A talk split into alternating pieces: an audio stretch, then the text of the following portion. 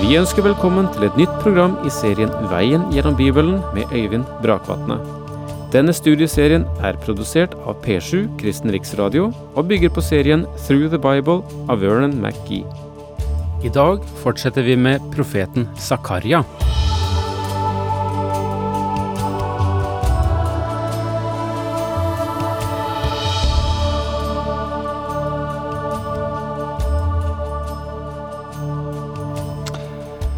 All eh, den Israels utroskap, overfladiskhet og syndighet som rulles opp i kapittel syv hos profeten Zakaria, kan ikke gjøre Guds trofasthet til intet.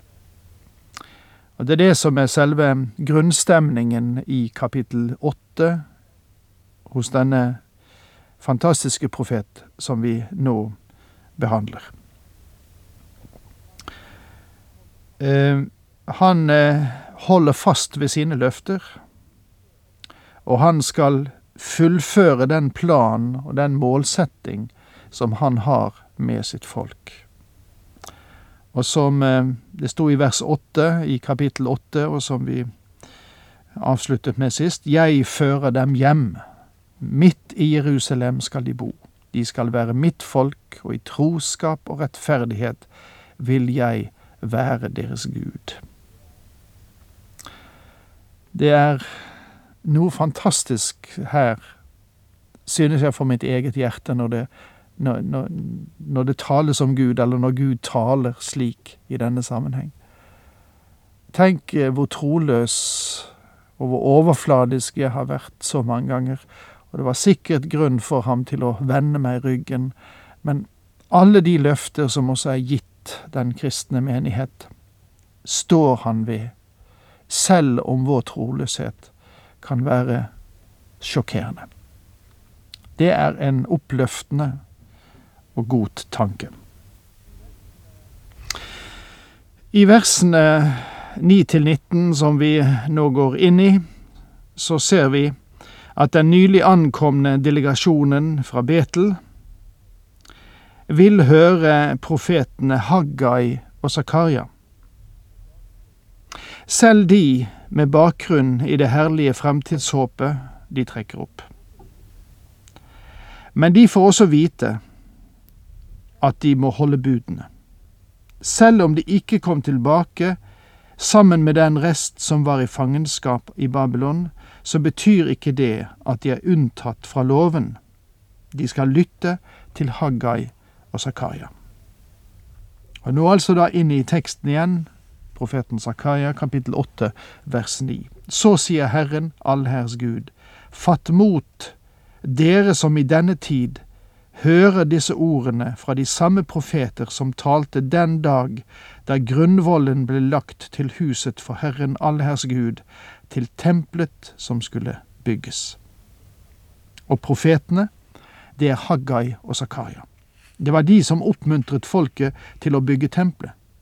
Og de oppmuntret disse nykommerne til å hjelpe til med å bygge tempelet. Og de hjalp også til. For før den tid hadde verken folk eller fe noe utbytte av sitt strev. Verken de som gikk ut eller de som kom, fikk være i fred for fienden, for jeg slapp alle mennesker løs på hverandre. For før den tid hadde verken folk eller fe noe utbytte av sitt strev. Dette skyldes to faktorer. For det første at Herren holdt sin hånd tilbake fra å velsigne, men det førte også til at det var rivaliseringer og spenninger som hindret fremdriften. Verken de som gikk ut eller de som kom, fikk være i fred for fienden, for jeg slapp alle mennesker løs på hverandre. Dette er jo også en rystende beskrivelse av vårt moderne samfunn. Det er alle slags oppsplittelser og interessekonflikter mellom oss. Og ser vi Europa som ett, så er det jo en rystende heksegryte. Det er strid og vold så mange steder.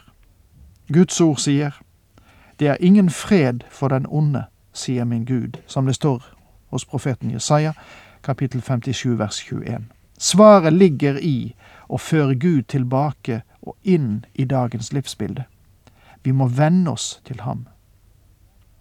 Men mot den rest som er igjen av dette folket, vil jeg ikke være som før i tiden, lyder ordet fra Herren, allhærs Gud. Gud sier til dem, jeg vil ikke velsigne dere slik dere er nå, eller slik dere var før jeg sendte dere i fangenskap, men en gang skal jeg velsigne dere. I fred skal de så, vintreet skal bære frukt, jorden skal gi grøde og himmelen dugg. De som er igjen av dette folket, skal få alt dette i eie. Gud førte velstand over folket for en tid. Den store dommen falt over dem selvfølgelig da de avviste Messias. Titus, den romerske hersker, ødela Jerusalem og spredte folket over hele det romerske imperium. De har aldri senere vendt tilbake fra den adspredelsen, ifølge Guds ord. Like som dere har vært en forbannelse mellom folkeslagene, du Juda ett og du Israels ett, skal dere bli til en velsignelse når jeg frelser dere, så frykt ikke, men fatt mot. Også i vår tid er det mange som peker fingre mot Israel. Praktisk talt hele Europa har avvist den. Det er en tragisk situasjon. De er blitt til en forbannelse blant folkeslagene. Antisemittismen vokser igjen over hele verden. Gud sier, Når jeg frelser dem og fører dem tilbake til sitt land, så skal de bli en velsignelse for verden. Jeg tror, nå må jeg si at jeg tror, at israelsfolket skal bli prester for hedenske nasjoner på jorden en gang. De skal stå mellom Gud og de hedenske folkeslag under tusenårsriket.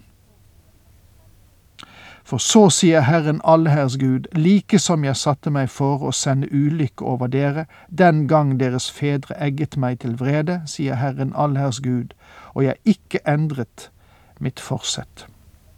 Så sier Herren allherrs Gud. Legg merke til hvor ofte denne ordkombinasjonen fremstår. Gud sier her at det var nødvendig å gripe inn overfor fedrene, slik som han har gjort, og han har ikke endret sin mening om det.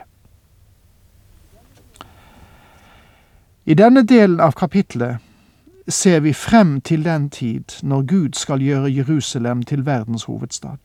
Gud sier at det er ikke noe som kan få ham til å endre den hensikten. Og han har til hensikt å få dette gjennomført gjennom sin fantastiske og uendelige nåde. Når Paulus skriver til eh, romerne, så sier han Han sier til Moses, Jeg viser miskunn mot den jeg miskunner meg over, og er barmhjertig mot den jeg forbarmer meg over. Så kommer det altså ikke an på den som vil eller anstrenger seg, men på Gud som viser miskunn. Romane 9, vers 15-16. Moses gikk til Gud og ba om at han skulle spare israelsfolket om det var mulig. Og Gud sa noe slikt som at Jeg skal høre på det, Moses, men jeg vil ikke høre på deg fordi du er Moses. Jeg vil vise miskunnhet og nåde mot dem jeg viser miskunnhet og nåde mot. Og derfor står det ikke til den som løper, til den som går gjennom en liturgi eller en tjeneste eller driver med sine aktiviteter. Det skjer gjennom den Herre Jesus Kristus, som viser miskunnhet. Min venn, vi kan si med apostelen Paulus at vi er det vi er ved Guds nåde. Har jeg i disse dager vendt om og satt meg for å gjøre vel mot Jerusalem og judaetten, frykt ikke. Gud sier til dette folket, Jeg viser dere ikke miskunnhet fordi dere har vært tro mot disse ritualer som jeg har gitt dere, eller fordi dere har fått nye ritualer. Men dette gjør jeg ut fra meg selv, uavhengig av den aktivitet, praktisk eller religiøst, dere bedriver. Men dette er ikke slutten i seg selv. Denne velsignelsens tid er kortvarig. Gud skuer ned gjennom århundredenes bueganger og sier, Dagen kommer da jeg igjen skal ta meg av dere, og ved den tid skal jeg gjøre herlige ting på jorden. Han ser frem til rikets tid. Og fordi vi skal representere Gud i denne endetid, så betyr det at de ikke kan gjøre som de vil. Den nåde og miskunnhet Gud gir oss, betyr ikke at vi kan leve som vi lyster, selv om noen mennesker tror det. Hør hva Gud sier nå. Dette er de budene som dere skal holde. Tal sannhet, enhver med sin neste. På tinget skal dere felle dommer som hviler på sannhet og skaper fred. Dette er de budene som dere skal holde. Stoler du på Kristus som din frelser, da er du blitt frelst ved nåde og miskunn. Men vent litt, han sier også, om dere elsker meg, da holder dere mine bud, som det står i Johannes 14, vers 15. Elsker du ham, da vil du følge hans vei. Du holder ikke hans bud for å bli frelst, for du er blitt frelst ved nåde og miskunnhet. Lydigheten i livet ditt vil aldri legge noe til den frelse du eier. Tal sannhet enhver med sin neste. Vi lever i en tid der løgn synes å være akseptabel i alle samfunnslag. Det er lenge siden ordet et ord er et ord og en mann er en mann var gangbar mynt. Mediene har sin egen versjon og reklamen sin spesielle versjon, og mennesker gir fremdeles sin sjel for 30 sølvpenger. Og det er på tide at vi både i hjem og skole fører inn igjen en moralsk standard, og en av reglene i den er at om du ikke forteller sannheten, så er du en løgner. Det kan ikke sies noe annet om det. På tinget skal dere felle dommer som hviler på sannhet og skaper fred.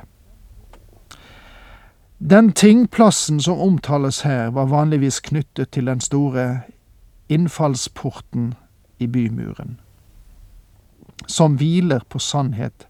Det som tales om her, er selve domsavsigelsen. Du og jeg skal dømme. Om vi dømmer hederlig eller uhederlig, om vi dømmer i sannhet eller usannhet, så skal vi dømme. Det han har i tankene her, er motivet. Det som skal være selve motivet for vår avgjørelse, er sannheten. Tenk ikke ut ondt mot hverandre, og elsk ikke falsk ed, for alt slikt hater jeg, lyder ordet fra Herren. Tenk ikke ut ondt med hverandre, og elsk ikke falsk ed. Det betyr at du ikke skal ha begjær til noe av det som din neste har. Begjær har aldri ført til fred. Og der tror jeg faktisk at vi må stoppe i dag.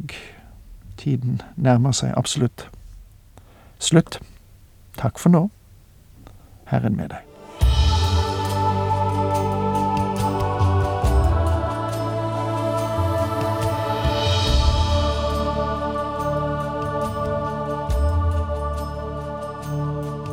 Du hørte Øyvind Brakvatne i studieserien Veien gjennom Bibelen.